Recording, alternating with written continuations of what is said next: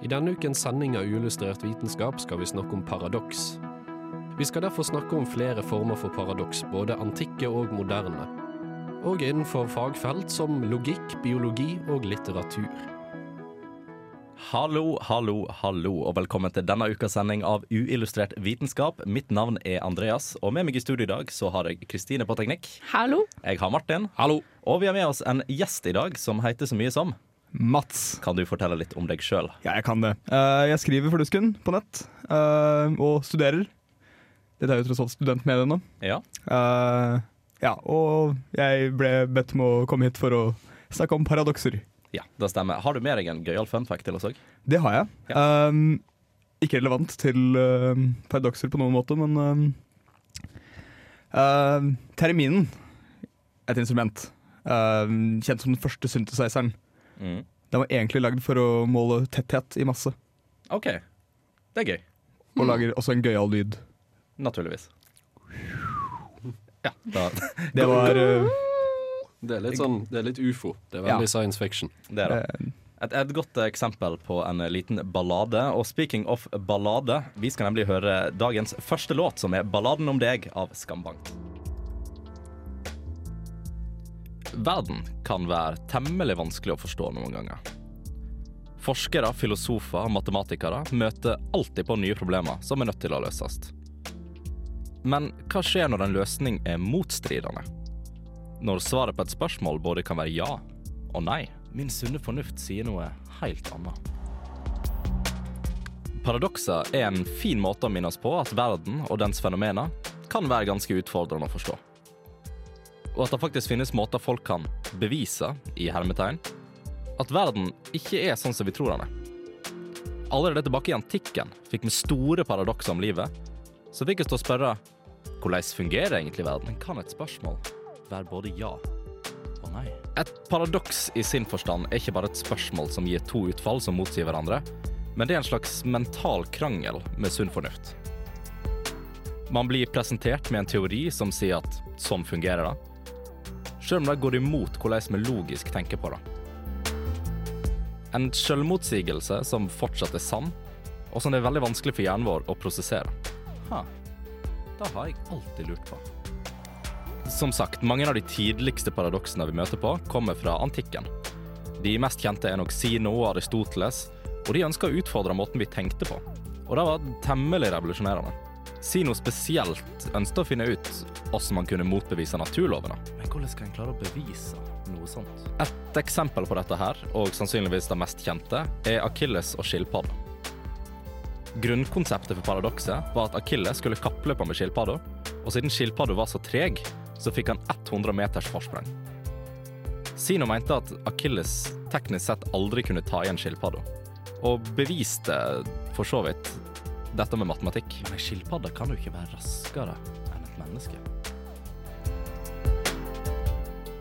Den som er foran, vil alltid ha en ledelse, ettersom at den som løper bakerst, må komme til et punkt hvor skilpadda allerede har vært. Si at på de 100 meterne så har skilpadda løpt 10 meter. Når Akilles kommer frem og løper de 10 meterne, så har skilpadda løpt kanskje 1 meter. Dette fortsetter og fortsetter, og tallene blir mindre og mindre.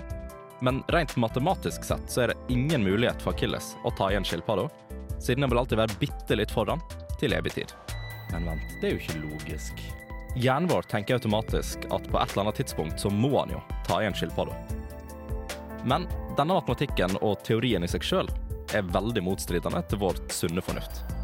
Men hvordan kan en motbevise noe som er så logisk? Men kanskje det finnes et svar. Kanskje.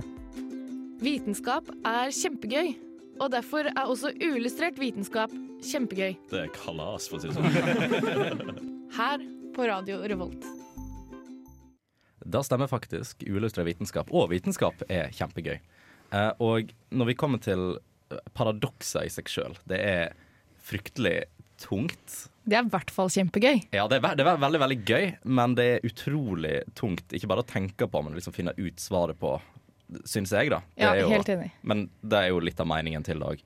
Vi, spesielt på Achille, da racet med Akilles, så finnes det jo for så vidt et svar som har blitt funnet ut i etterkant, um, som jeg ikke klarte å forstå. uh, men uh, cirka så handler det om at du kan måle evigheten på forskjellige måter. I den forstand at uh, du har At i selve racet da, så blir det delt f.eks. ned til en andredel, en fjerdedel, åttendedel, sekstendedel. Men du kan måle det på en annen måte, og på den måten så kan du måte gå forbi. Det, Ah. det er tungt, men det funker til en viss grad. Men er det ikke sånn med de aller fleste paradokser også at de egentlig har en løsning? Jo, det veldig mange av de er da. Noen av de, altså noen av de jo, finnes det bare ikke en løsning på, for at de er veldig forenkla, og de er bare teit. Mens på, de som er, mens på de som er litt mer avansert, så er det som regel en matematisk løsning som går utenfor måten som de har tenkt på. Eh, men det er jo delt inn i eh, William van Orman Quine, amerikansk filosof og logiker. Han delte alle paradoksene inn i tre primære, primære, primære klassifikasjoner. Um, og veldig mange av de er jo de vi kjenner igjen i paradoksene vi hører. Han hadde blant annet typ sannhetsparadokset. Det er litt av Sino sin tankegang. Litt i den at du får forklart noe som er veldig absurd, men det kan fortsatt forklares. Uh, I den forstand Et eksempel på det er jo Har dere hørt Monty Hall-paradokset? Ja, det med dørene. Ja, det med dørene. Uh, og det var jo det var et paradoks som måtte bli testa litt på folk. da, At du har, du har gameshow med tre dører. Uh, dersom du, og du velger på en måte en dør på forhånd der du tror at det, for at det, er, ja, det er to geiter blant, bak to dørene, og så er det en bil blant den siste. Og først så velger du på en måte en dør, og det er en tredjedel sjanse for at du får riktig. Deretter så tar han som styrer gameshowet, og åpner ene døra, og så viser han at der er det ei geit. I den forstand så de som allerede har valgt et utfall, de har fortsatt en tredjedel sjanse for å få riktig. Men han spør om du vil bytte dør, og da har du teknisk sett to tredjedel sjanser. Men det er fortsatt, oi, det er fortsatt 50 sjanse for å få det riktig. Så det, det syns jeg er veldig interessant.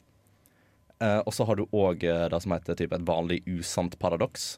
Eh, et paradoks som fremstår usant, og faktisk er usant. Men med, men med diverse typer matematikk og andre metoder så kan du bevise noe som er sant. Eksempel da alle hester har samme farge. Det er jo noe som ikke er sant. Åpenbart. Det er ulogisk. Det er matematisk ulogisk. Det er bare feil. Men hvis du regner opp mot evigheten, altså at én hest i, defineres som ei gruppe, og den har én farge, så blir den representert ved n. Og dermed må m pluss 1, m pluss 2, m pluss 3 være det samme som originalen. Og der ga du meg vondt i hodet. Ja, Det tok ikke lang tid. Vi er, vi ti minutter inn i sendinga, og vi har alle sammen Og vi er ikke, vi er ikke, vi er ikke i gang engang. Så det blir verre. Til, Det blir verre, til ja. alle der hjemme. Det blir verre. Å, takk. Eh, og så har du òg, eh, skal vi se du, du, du, Sannhetsparadoks. Eh, nei, den hadde vi. Eh, noe som bare er selvmotsigende bare for å være selvmotsigende. Den klassiske 'denne setningen er usann', den forrige setningen er sann. Mm. Det er sånn 'vi er ikke på lufta nå'. Nei, jo. Ja, Men det er vi jo. Men vi er jo på lufta. Nå fikk jeg litt panikk. Men det er da for eksempel ja, en type paradoks. Uh, og så har du også, men han beskrev òg noe som er en fjerde type, som blir beskrevet i noe av hans arbeid, uh, som er motsigende bare fordi derfor. Uh, og fordi uh, nei, nei, nei, unnskyld. Det er noe som er både sant og usant samtidig, men, som, men som fortsatt er logisk. Uh, det er for å si det sånn, si at jeg er på vei inn døra i studio her, oh. og så sier jeg 'Andreas er her'. men er du egentlig her? Ja, men jeg, hvor går grensa for at jeg er her, og hvor går grensa for at jeg er på vei hit? Det er Jeg vet ikke hvorfor vi valgte dette, her, på å si. Det er, Men er det litt sånn halvfull, halvtom greie? ja, det, blir det er egentlig en definisjonsproblem. Ja. Men siden det ikke er lagt inn noen regler for selve definisjonen, så blir det et paradoks, siden det på en måte både er sant og usant. Det Ja, er heilig, hele gimmicken i det, egentlig. Ja. Og i hvert fall når det kommer til sånn teite, absurde ting. Som sagt, Sino var jo bare en, i mine øyne en drittsekk for at han fant opp alt dette her.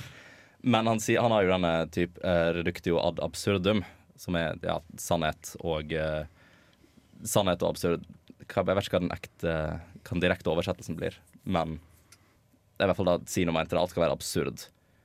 Uh, man skal ha en vanntett forklaring på et absurd argument. Og da har man jo, uh, siden, ja, siden vi skal snakke litt om antikke paradokser nå og sånt, så har vi jo eksempel Sandhaug-paradokset. Eh, der det omhandler om at hvis du har en haug med én million sandkorn, og du tar bort ett sandkorn, så er det fortsatt en haug. Hvis du tar bort 500 000 av 500 000 sandkorn, så er det fortsatt en haug. Men hvis du tar bort 900, 999 000 sandkorn og sitter igjen med ett, så er det ikke en haug lenger. Det er jo litt det samme på den der eh, inn og ut av studio definisjonsproblemer. da. Når blir det en sandhaug, rett og slett? når blir det en sandhaug, rett og slett. Ja. Og det, anti, antikkens er De er veldig primitive, men de gir på en måte gir et grunnlag for hvordan vi ser på paradokser i dag. da. Blant annet òg eh, noe som kom fra samme tid, det var vel gresk, tror jeg. Eh, Ship of Theseus, eh, som omhandler om at hvis man har et skip, og deler av skipet begynner å bli ødelagt, og du tar bort en del av skipet og erstatter det med noe nytt, hvor tid blir skipet da nytt, og er det det samme skipet igjen? Det samme Ja. hvis du bytter delene mellom to skip. Hvilket skip er den originale? Oi. Det, det, det, er veldig sånn, det er veldig gøye tankeeksperimenter, og vi, det er noe vi hører igjen da fra, fra ja, paradokser. Det er definert inn i mye rart. Men vi skal over på litt mer litterære paradokser, Martin. eh, Men før vi kommer så langt, så skal vi høre IUD av OK Kaja. This is Alan Moore, and you're listening to Unillustrated Science. Noen ganger hjelper det ikke å kun være smart, man må også kunne høres smart ut. For kan man høres smart ut, så kan man overbevise andre om man er smart, uten å egentlig være det. Og som vi vet, siterer smarte folk andre folk som høres smarte ut. Og hva er bedre å sitere enn et litterært paradoks? Et litterært paradoks, eller et paradoks i litteratur, er en uttalelse som virker logisk selvmotsigende eller absurd, men kan tolkes på en måte slik at han gir mening. Et eksempel på et litterært paradoks er Evig eies kun det tapte, eller som forfatteren og poeten G.K. Chesterton uttalte, spioner ser ikke ut som spioner. I litteraturens verden brukes derfor paradokser til å trekke leserens oppmerksomhet til en eller flere små detaljer, og for å få leseren til å stoppe opp og tenke. Paradokser kan også gjøre teksten mer interessant ved å skape litt variasjon. Men det er ikke kun poeter og filosofer som uttaler paradokser. For eksempel har du kanskje sagt en gang at ingen drar på trening klokken seks, fordi da er det alltid fullt. En logisk brist, men vi skjønner hva du mener.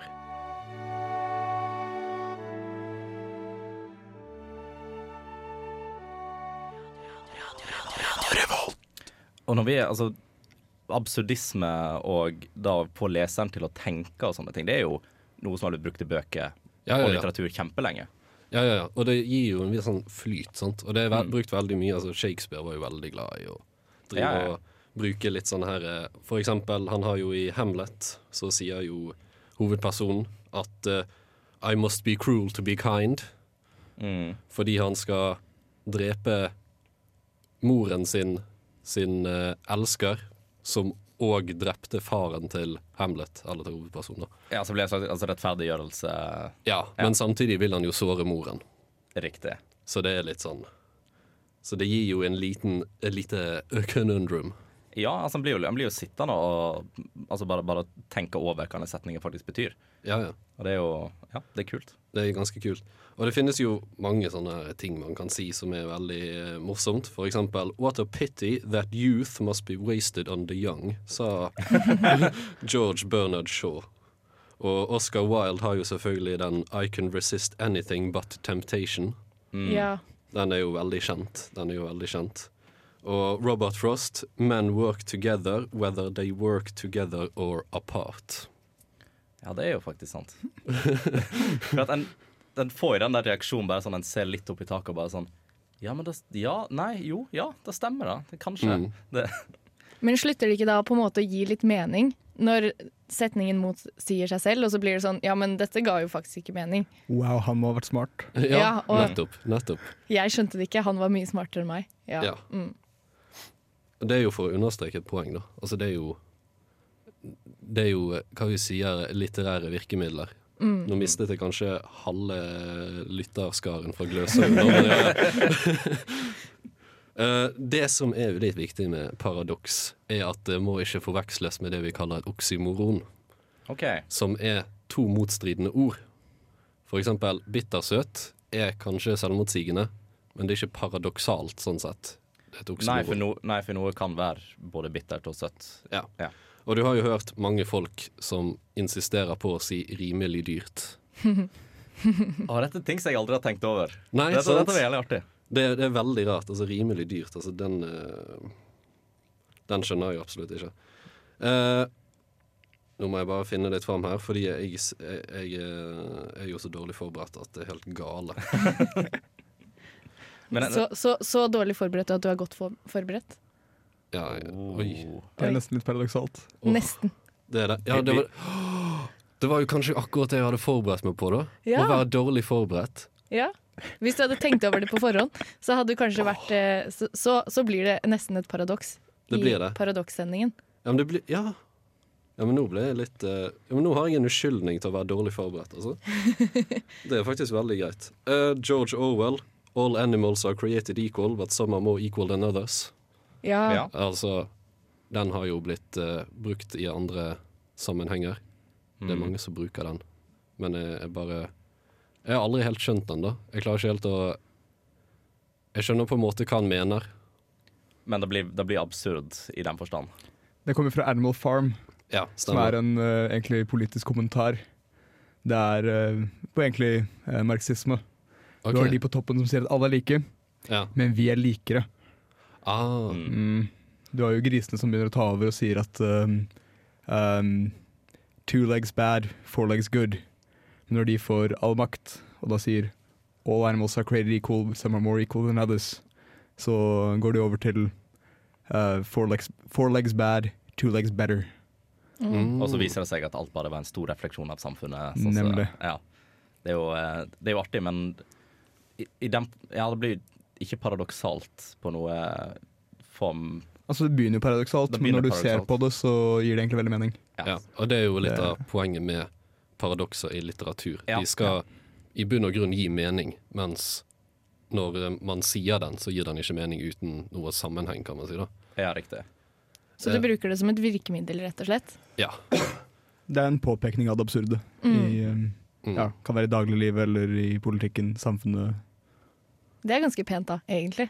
Det er det. Ja. det er det. De kan jo skrive, noen folk, altså. Ja. Det er sånn vakre, altså paradokser som er, som er vakre og fine, fine å høre på å lese. Det er, Som er hvorfor man siterer de. som er hvorfor man siterer det. Ja. Ja. Men man bør kanskje kunne sammenhengen òg. Eller så blir det fort litt eh, Eller så blir det bare et paradoks, rett og slett. Ja, det er sant. Uten en forklaring. Ja, der, der er jeg enig med deg. Ja. Vi har jo òg andre paradokser, ikke nødvendigvis er litteratur. Mm, kjør. Sånn som for eksempel første, eller her er reglene, ignorer alle regler. Ja, for hvordan kan du da ignorere den regelen som sier at du skal ignorere regelen? Ja, nettopp. Og sånn som de der, Oi, oi, oi. eh, de der lekene hvor du skal gjøre masse, masse oppgaver på et ark, og så står det nederst Jo, så står det øverst 'les alle reglene først', og så står det Ja. nederst 'du trenger ikke å gjøre noen av de'. Åh, det er så dårlig gjort. Jeg kan huske jeg skummet over reglene en gang på en sånn der, så jeg fikk ikke med meg den. Så jeg hadde på en måte lest de, men jeg hadde ikke fått med meg akkurat den. Ja. Så det, det, var, det føltes litt urettferdig, nesten, det. Mm. Men uh, ja, jeg la kanskje opp til det sjøl, siden jeg bare skummet gjennom de. Det, det er jo det alle gjør. Det er Ja. det det er ment som. Har du flere til oss? Om jeg har flere? Ja. Tja. Altså, vi har jo, altså, jeg føler vet ikke om det faller inn som et paradoks, men du har jo den type Si at du har et kort, og på ene sida så står det 'snu til andre siden', men det står det samme på andre siden. Mm, Blir det, kan det regnes som et paradoks? kanskje det. Hva sa du, sa du? Altså, si at du sier at du har et kort, eh, og på ene sida står det 'snu til andre siden', og da står det samme på andre sida. Ja. Blir det et slags evighetsparadoks, for at det er egentlig ingen side du skal snu til, men du skal snu kortet? Oi. Da, du må jo snu det i evigheten, da, i så Ja, fall. Du må jo egentlig det. Men eh, vi kommer tilbake med litt mer medisinske og biologiske paradokser etter hvert. Men før den tid så skal vi høre 'Bli med til Syden' av Norske Rytmer. Hei, jeg er Knut Jørgen Røde Ødegård. Du hører på Uillustrert, som er eh, like kraftig som en supernova, eller kanskje en hypernova. Like vakkert som en stjernehop, og like spennende som en Venuspassasje. Uillustrert vitenskap. Mitridates den sjette, kongen av Pontus, sies å ha vært så redd for å bli forgiftet at han spiste små mengder gift hver dag. What doesn't kill you makes you stronger, sant? Men vi utsetter oss alle for litt gift i ny og ne. Kaffe, te, alkohol, stress, oksygen, stråling, trening. Men kan noen av disse tingene også gjøre at vi lever lenger? Det viser seg at de kan det. For allerede i 1888 så ble det funnet ut at veksten til gjær kunne stimuleres av små mengder giftstoffer. Og i Taiwan ble det ved en feiltagelse bygget over 100 boligbygninger med radioaktivt stål. Men antall krefttilfeller i de bygningene var overraskende lav. Og i 2010 fant de ut at kvikksølv forbedret krekkingsraten til stokkender. Dette paradokset kaller man ofte hormesis. Altså kort sagt, det viser seg at små mengder av et farlig stoff kan være bra for deg i en viss mengde. Helt til det begynner å bli kjempefarlig. Så gode nyheter, kanskje verden ikke er så farlig som alle skal ha det til likevel. Men jo. Husk at dette ikke gjelder alle stoffer, og at det er snakk om veldig små mengder. Så vær forsiktig, og alt med måte. Selv gift. Hva er den lille prikken oppe i himmelen der? Er det en fugl? Er det et fly? Å, faen, Det er meteor! På uillustrert vitenskap.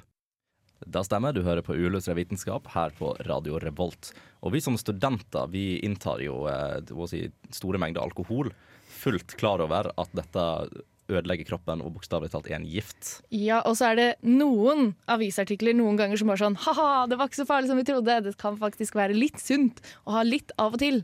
Og så tenker folk ja ja, da går jeg ut og drikker. Eh, og så er det sånn Og så er det mange ting man har funnet ut det med, da, sånn type kaffe. Eh, det med trening. Trening er også egentlig gift, for du utsetter deg selv for et stress. Eh, og så genererer du masse eh, friradikaler. Mm. Og det er jo egentlig ikke bra for deg, for alle har hørt sånn frie radikaler, det er dumt. Antioksidanter, det må du spise. Men så har det seg sånn at det å få i seg altfor mye antioksidanter, det var visst ikke så veldig bra, det heller. Nei. For da levde man kortere. Også, og det er hele greia med dette, da. At det er Ting er bra for deg i en viss mengde, helt til det ikke er bra for deg lenger. Og da er det veldig ikke bra for deg. Og det er veldig vanskelig å drive typ, folkeopplysning på akkurat sånn som dette her, siden ting forandrer seg, definisjoner forandrer seg. Og eh, ja. Ja, og sånn som, sånn som det med alkohol, da. Eh, det har de vist at det, de ga en viss mengde, det var en veldig liten mengde, alkohol til en, eh, til en rundorm. Man bruker veldig ofte rundormer til å forske på mennesker, Okay. eh, fordi vi er ganske like på veldig mange måter. Eh, og det doblet eh, levetiden til, eh, til rundormen. ok. Men Hvor stor var den mengden? Eh, vet ikke om du har definisjon på det? Det var noe 0,0005 milli et eller annet. Ja, OK. Ja, så det var veldig, veldig lite. Eh, men det doblet da eh, Men en ting som er liksom litt mer eh, Jeg vet ikke. Eh, litt mer gjenkjennbart i den, vår virkelighet, og ikke bare forskernes virkelighet, det er jo det med at eh, noen behandler allergi med å innta pollen. ok. Er det sånn at kroppen skal bygge opp en slags immunitet naturlig? Ja. Ja. Eh, og det ja, og det er det noen som gjør, da. Ikke prøv det hjemme, liksom. Men det skjer under veldig kontrollerte former. Og så er det noen som da blir kvitt allergi ved å innta pollen. Og det er jo egentlig veldig kontraintuitivt, og sånn sett da et paradoks. Mm. Et biologisk paradoks. Så det er, ikke, det er ikke sånn at vi anbefaler alle som har gressallergi å bare gå og inhalere en gressklipperpose? Det er jo ikke helt sånn det fungerer. Det er ikke helt sånn det fungerer. Men eh, med disse biologiske paradoksene da, så, er det, eh, så forsker man på det, og så finner man teorier til at det kanskje er sant. Mm. Eller til hvorfor det er som det er. Og det man tenker at Hvorfor det er sånn at eh, ja, ting som er giftig for oss, kan faktisk gjøre at vi lever lenger. Det er at eh, mange eh, ofte Eller det setter i gang en skade. De små mengdene av det som er giftig, setter i gang en skade i kroppen. Og så vil kroppen fikse det. Men kroppen fikser da mer enn det som er, det, akkurat det som er skadet, på en måte. Ja, så Litt sånn samme prinsippet som med trening. Da du bryter ned kroppen og du bygger den opp bedre. Ja. Ja. Og det er sånn det funker. Er det ikke også litt sånn vaksiner fungerer? Jo, eh, på en måte. Det gjør deg litt syk, men neste gang du får det, så er det Forbereder å forberede antistoffene på på å bekjempe sykdommen, ja. Så det er jo eh, Det med kvikksølv, for eksempel, da. Det, er jo, det skapte jo faktisk skader i eh, disse dyrene som fikk det. Stokkender, tror jeg det var. Men de klarte De had, har jo bra immunforsvar, så de klarer å da reparere skaden, men så reparerer de mer enn skaden. Mm. Og sånn sett så gikk det faktisk bedre med dem. Og da har man jo den, type, den, den har jeg sikkert fortalt på lufta sånn tre-fire ganger nå, men det var den gamle kinesiske kongen eh, som eh, ville, ha, ville da ha evig liv. Han var skikkelig redd for å dø, så han eh, sendte jo folkene sine ut i verden for å hente en kur mot eh, døden. Og så fikk han da kvikksølv, og så døde han. Ja, å. Det, Det, det var litt dumt. Eh, Han tok for mye, han tok for mye, rett og slett. og kroppen eh, fikk ikke tid til å, til å venne seg til det. Nei. Nei. Er det noe mer medisinske paradokser der ute? Eh, Jeg har eh, en liten kort en, Ja. eh, som egentlig handler om noe helt annet. Men det er hvis du, skal, hvis du sitter på en stol eller i en sofa og skal reise deg opp, så, så vil både muskelen foran på låret og bak på låret trekke seg sammen. Selv om de egentlig virker motsatt av hverandre. Ok, bare, bare sånn reaksjon, nervereaksjon? Eller- Ja, sånn at, ja, du bruker begge musklene for å reise deg opp, men det virker veldig kontraintuitivt at du skal ha, eh, trekke sammen begge musklene samtidig. Okay. Men eh, de da virker på to forskjellige ledd, eh, ho hovedsakelig, og derfor så funker det. Ja. Så det har en forklaring, det òg, OK. Da, da høres bra ut. rett og slett. Eh, vi kommer tilbake med litt mer gøye paradokser. Vi skal nemlig ha en god gammeldags paradoksdiskusjon som kan gå i alle mulige retninger. Men før den tid så skal vi høre 'Told' av Great News. Av og til kan det være vanskelig å finne fram til riktig fun fact. Derfor har vi samla mange funfacts på ett sted, slik at det blir lettere for deg å finne fram til riktig funfact. Funfact Fun illustrert vitenskap. Og er ikke det strengt tatt den beste funfacten? Jo. jo, det er det. Eh, nå er vi kommet til den delen av programmet der vi skal eh, diskutere rundt paradokser, og dette kan jo da som sagt gå enten fullstendig galt eller kjempefint. Eh, det spørs helt hvor slitne vi, vi blir i hodet. Eller kanskje begge samtidig. Eller kanskje begge samtidig. Å, vi er i gang allerede, ja. Altså, det burde jo gå bra, siden paradoks skal jo på en måte kunne diskuteres omtrent uendelig. Ja, siden vi ikke klarer Siden vi per def mot, vår log, eller, mot vårt sunne fornuft, så skal vi ikke kunne ja, komme frem til en Ja, nettopp. Ja, no, noe sånt. Men uansett, vi har jo fått inn eh, et lytterspørsmål Ja, vi har fått inn innsendte paradokser, faktisk. mm, fra vår aller største fan. Vår aller største fan. Eh, en kar ved navn eh, Andreas Haugland. Oi, Han har jeg aldri hørt om før, tror jeg. ikke jeg heller. Bare et par ganger. Ja, ja. Det er noe kjent der. Fint navn. Fint navn. Hør hva han sier. Eh, katter lander alltid på bena, og toast lander alltid med smørsiden ned. Men hvis du fester en toast med smørsiden opp på ryggen til en katt, hvordan vil den da lande? Det er vel åpenbart at den ikke vil lande. Det vil bare spinne i evigheten. Ja. Men hvilken vei vil den spinne? Oh. Ja, da må jo en ta inn eh, typ gravitasjon og om han har noe helning på, på måte katten og brødskiva når han slipper den. Hvis Ja, ja. katten er litt skeiv, liksom. Ja. Ja. Du er eh, ikke helt- litt kortere ben på den ene sida, eller kanskje høyrehendt. Skål på høyre. Ja, hvem vet? Men uansett, konklusjonen er definitivt at den vil spinne til evig tid og generere n antall energi. Men tyngdekraft, er ikke det en ting? Jo, tyngdekraft er en ting, men hvis noe Altså, han vil jo spille i bane rundt, eh, rundt gravitasjonspunktet, da. Ja, men, men vil den ikke da falle til bakken til slutt? Jeg tror nok eh, G-kreftene fra uh, spenninga vil holde den oppe Ja, som et gyroskop. så det er Men- sånn det funker. Men selv om det er gravitasjon, så kan han jo ikke treffe bakken før han er riktig vei. Nei. Hvis han må lande riktig vei. Å, sånn sett. Mm. Det var lurt. Veldig smart. Jeg liker det. Har vi Ja. løst energikrise her? Jeg tror vi har det. Ja, for det var oppfølgingsspørsmål, da. Kan dette brukes som en energikilde om man setter dette på en turbin? Naturligvis. Og er det en evighetsmaskin? Vel, vil en død katt alltid lande på føttene? Nei, det er jo Altså, Så lenge vi kan holde den katten kunstig i live, Ja. uh, så vil det være evighetmaskin. Moderne teknologi tror jeg klarer det. Mm. Fantastisk. Vi får sende noen forskere på saken. Ja, vi sender noen forskere på saken. Han sendte inn enda et også. uh, hvis dere er klare for det. Sure. Dersom Pinocchio sier at nå kommer nesen hans til å vokse, kommer den da til å vokse? Fordi hvis han sier den kommer til å vokse, så uh, lyger han på en måte, og da vokser den. Ja Oi. Men hvis den vokser, så har den ikke løyet. Mm, jo, Han har jo både løye og ikke løye. ja. Så det er jo, det er jo faktisk et uforklarlig paradoks i den forstand. Ja, for Den hvis han da jo- lyver og sier at den ikke vokser, så vil den vokse. Og ja, mm, Det blir jo, blir jo en kategori tre-paradoks, der en ting både er sann og usann samtidig. ja. Så den, den er faktisk den er uforklarlig. Det er faktisk en bra, et bra Det paradoks. er et veldig bra paradoks. Mm, mm. Tusen takk, Andreas Haugland. Dere har gode lyttere. Vi har det. Vi har det absolutt. Har han sett inn flere, eller var det alle? Det, det var alle han hadde. Ja. Men jeg har et par små, små tulleparadokser. Ja, kjør på. og det er the intentionally blank page. OK, Ja. forklar. Eh, jo, på slutten av bøker og sånne ting, så har man ofte da noen sider som er, eh, noen sider som er blanke. Mm. Og så står det nederst på de 'This page is intentionally left blank'. Men når du har skrevet da på Så er ikke den sida blank lenger. Nei. Og det, ja, det Den er jo heller ikke blank fordi det står nederst òg at den er Ja. blank. Ja. Så Det er jo et paradoks. Så egentlig så burde de endre den. Men det var det, ja. Eh, litt morsomt, syns jeg, da. Løsningen på den er jo bare å skrive på sidene før de neste sidene vil være blanke. Å, Mm. du er lur, du. Jeg er lur. Eh, og så ha, har vi den eh, 'ikke tenk på rosa elefanter'. Ja. Og da gjør du det. ja, men blir det regnet som et paradoks? Hvis man Det er bare en eh, kommando det er um umulig å utfylle. Ja. Ja. Den lå på paradokssiden som jeg var inne på. Men da må det, må det være et Da må paradoks. det være. Men eh, det blir jo da det å ikke skulle tenke på noe. Det er, men det blir jo mer fysisk umulig enn logisk umulig. Ja, du, vil alltid, du må alltid tenke på noe. Du kan ikke tenke på ingenting. Nei, men å tenke på en, ikke tenke på en spesiell ting, da.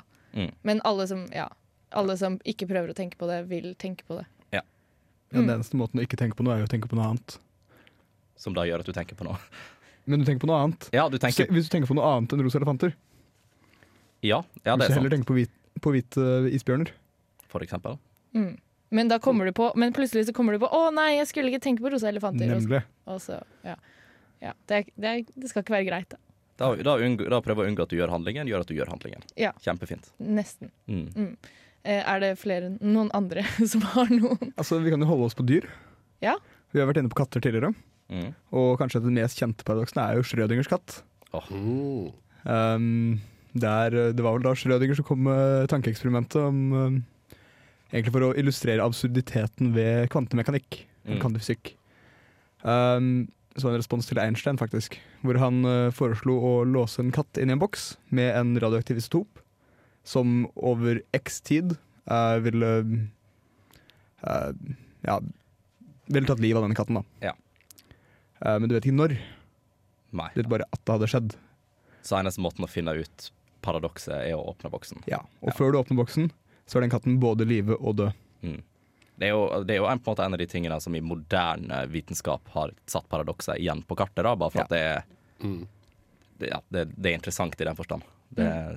Jeg syns det er stilig. Og det er jo Det er jo litt sånn Paradoks er jo eh, De har ofte en forklaring som ligger bak, Mm. men så blir de ofte òg et litt sånn partytriks. Det er noe man bruker når man har festet alle telysene på festen til armen sin og slått ut alle bunnene av ølflaskene. Sant? Så må man finne noe nytt, og da er det jo fint å dra fram paradoks. Ja, jeg føler paradoks er en veldig nach-ting, kanskje. Det er det. Ja. det, er det. Folk som bare sitter der sånn «Øh, Ja. Er katten død, eller er den levende? Vet ikke helt. Men problemet er jo at den vil jo være enten død eller levende. Men du vet jo ikke det før du sjekker. Nemlig. Og det er det som er egentlig er poenget. Det er du som ikke vet det. Det er forskeren som ikke vet det. Mm. Altså, katten er enten død eller levende. Ja, ja. Katten vet jo dette sjøl, holdt jeg på å si. Jeg tror en, Ja, jeg tror en kvantemekaniker, eller mekaniker Ja. Kvantemekaniker. Noe. Ha, Har du problemer med sagt kvanten din? De har enten, de har, de har enten fiksa bilen din, eller så har de ikke fiksa den. ja. Jo, men ville Du vet, ikke, du vet ikke svaret før du drar på verkstedet. ville da, Han ville da sagt at Den var gøy, den. Ja, det var det. det han ville da sagt at det, eh, den var begge deler samtidig. For det er jo på en måte sånn kvantemekanikk funker. Ja, Mm. Det her er egentlig for å illustrere hvordan forskeren vil ha en effekt på resultatet. Ja, det vil man jo da. Hvordan det å observere noe gjør at det vil oppføre seg annerledes enn om du ikke hadde observert det. Spennende. Mm. Det er veldig interessant. Men skal vi ta og bevege oss ut av vår verden, holdt jeg på å si, og inn i, eh, og inn i science fiction? Ja. Oi. Fordi noen av de uh, paradoksene som er gøyest, syns iallfall jeg, da, å diskutere, er jo de gode gamle tidsreiseparadoksene. Og vi møter jo på altså, En av de klassiske er jo the the grandfather paradox, hvor hvis du drar tilbake og dreper din egen bestefar, hva vil skje? Vil du da forsvinne, eller vil det skapes en ny tidslinje? Finnes det andre tidslinjer? Og så sitter man der. Men det er jo, alt er jo science fiction, så det er jo det er på en måte ikke vits å forklare det, i den forstand. Det er opp til forfatteren. Ja, det er opp til forfatteren. Det kommer an på når man eh, oppdager tidsreiser, hvordan det da funker. Ja, men hvordan ville dere forklart hvis dere hadde dratt tilbake i tid og drept deres egen bestefar? Hva, hva, hva kommer logisk til dere? Hva er den liksom den store logiske forklaringen? En eh, ny tidslinje der jeg aldri hadde eksistert, men det er ikke nødvendigvis den jeg hadde dratt tilbake til. Så det her ser jeg egentlig mer på tidsreise som et, en reise i dimensjoner. Ja. Så du ville hatt flere virkninger, virkeligheter. En der du eksisterer, og en der du ikke eksisterer. Ja. Oi. Det, jeg husker ikke helt hva den teorien heter, men uh, Det er Many Worlds Theorem. Many. Worlds Theorem, Ja. der uh, ethvert valg du gjør, vil uh, ha en, ja, føre til en sprettelse av tidslinjer. Oi, da vil du ha veldig mange. Ja, Ja, det skapes Det en på hvert valg. uendelig antall tidslinjer. Ja. Ja. Det er det morsomt. Futurama hadde jo en fin vri på det der. Han reiser tilbake og klarer med et uhell å få bestefaren sin drept. Og så ender han opp med å bli sin egen bestefar. Ja, Fordi han blir forelsket i bestemoren sin. Oi. Det er, det er mye sjukt der ute. Altså. Men en, en annen ting som de kommer veldig inn på, i hvert fall mange filmer og serier da, kommer inn på når det gjelder tidsreiser, er jo det som i bunn og grunn kan være altså, let's kill Hitler-paradokset. Det er sånn, Hvis du drar tilbake i tid for å drepe Hitler, så blir på en måte hele grunnen til at du dro tilbake i tid, borte. Så da, kun, da, da var det ikke sikkert at du fant opp tidsreiser engang. Nei, det var ikke sikkert, for du hadde ingen grunn til å dra tilbake for å drepe Hitler, så derfor gjorde du det ikke. Nei. Så den, den er jo sånn som er utrolig vanskelig å forklare. En annen versjon dette er jo um, f.eks. Shakespeare. Hvis du i dag drar til en bokhandel, kjøper um, si Hamlet eller Macbeth, og drar tilbake i tid, gir den boka til Shakespeare, og han skriver den, og den til slutt ender opp i bokhandelen der du kjøpte den boka, for så å dra tilbake i tid og gitt han. Mm. Hvem skrev egentlig Shakespeare? Oh, Oi. den er gøy. Det, det er er- kanskje Svaret er Og det er et svar. Svaret er vel at det er Christopher Marlowe, men det er uh, Ja. Eh, og så har vi Vi, kan, vi rekker én siste. Uh, du har jo den som heter uh, Polskinskis paradoks, uh, hvor du har et paradoksscenario hvor en i hans, i hans eh, teori, da, biljardball drar tilbake gjennom et ormehull. Eh, og akkurat på det tidspunktet hvor han kolliderer med en yngre versjon av den biljardballen Det er sånn hva vil, hva vil skje? Da vil jo på en måte hindre Hvis han kolliderer med han, så vil det på en måte hindre at han dro tilbake i ormehullet in the first place. Oi. Kanskje det er derfor vi ikke reiser tilbake i tid. Ja, jeg tror vi unngår det. Ja. Men eh, for vi, apropos tid, vi begynner å nærme oss eh, slutten av eh, dagens sending. Men før den tid så skal vi høre 'Soldier' av Death by Ungabunga. Hi, this is James Grime from Numberphile, and this is Unillustrated Science. Da stemmer, du hører på Illustrert vitenskap på Radio Revolt, og vi er dessverre kommet til veis ende. Men for å avslutte med et siste paradoks. Um, hvordan kan vi avslutte sendingen når vi alltid vil spille videre i våre hjerter? Men uansett, du kan finne sendingene våre på radiorevolt.no. Du finner oss òg på diverse podkast-tjenester, nå i tillegg til eh, Spotify. Eh, vi òg setter veldig pris på at du sender inn gøye meldinger til oss på Facebook. Vi tar gjerne imot eh, spørsmål og ting vi kan ta opp på lufta der. Og dere finner meg på Revoltmorgen i morgen klokken syv. Stemmer. Og mitt navn har vært Andreas, med meg i studio på teknikk. Tusen takk for tekniker. Har vært Kristine. Ha det Hatt bra. med meg Martin. Ha det bra. Og tusen takk til Mats som gjest. Takk for at vi kom. Ha det bra.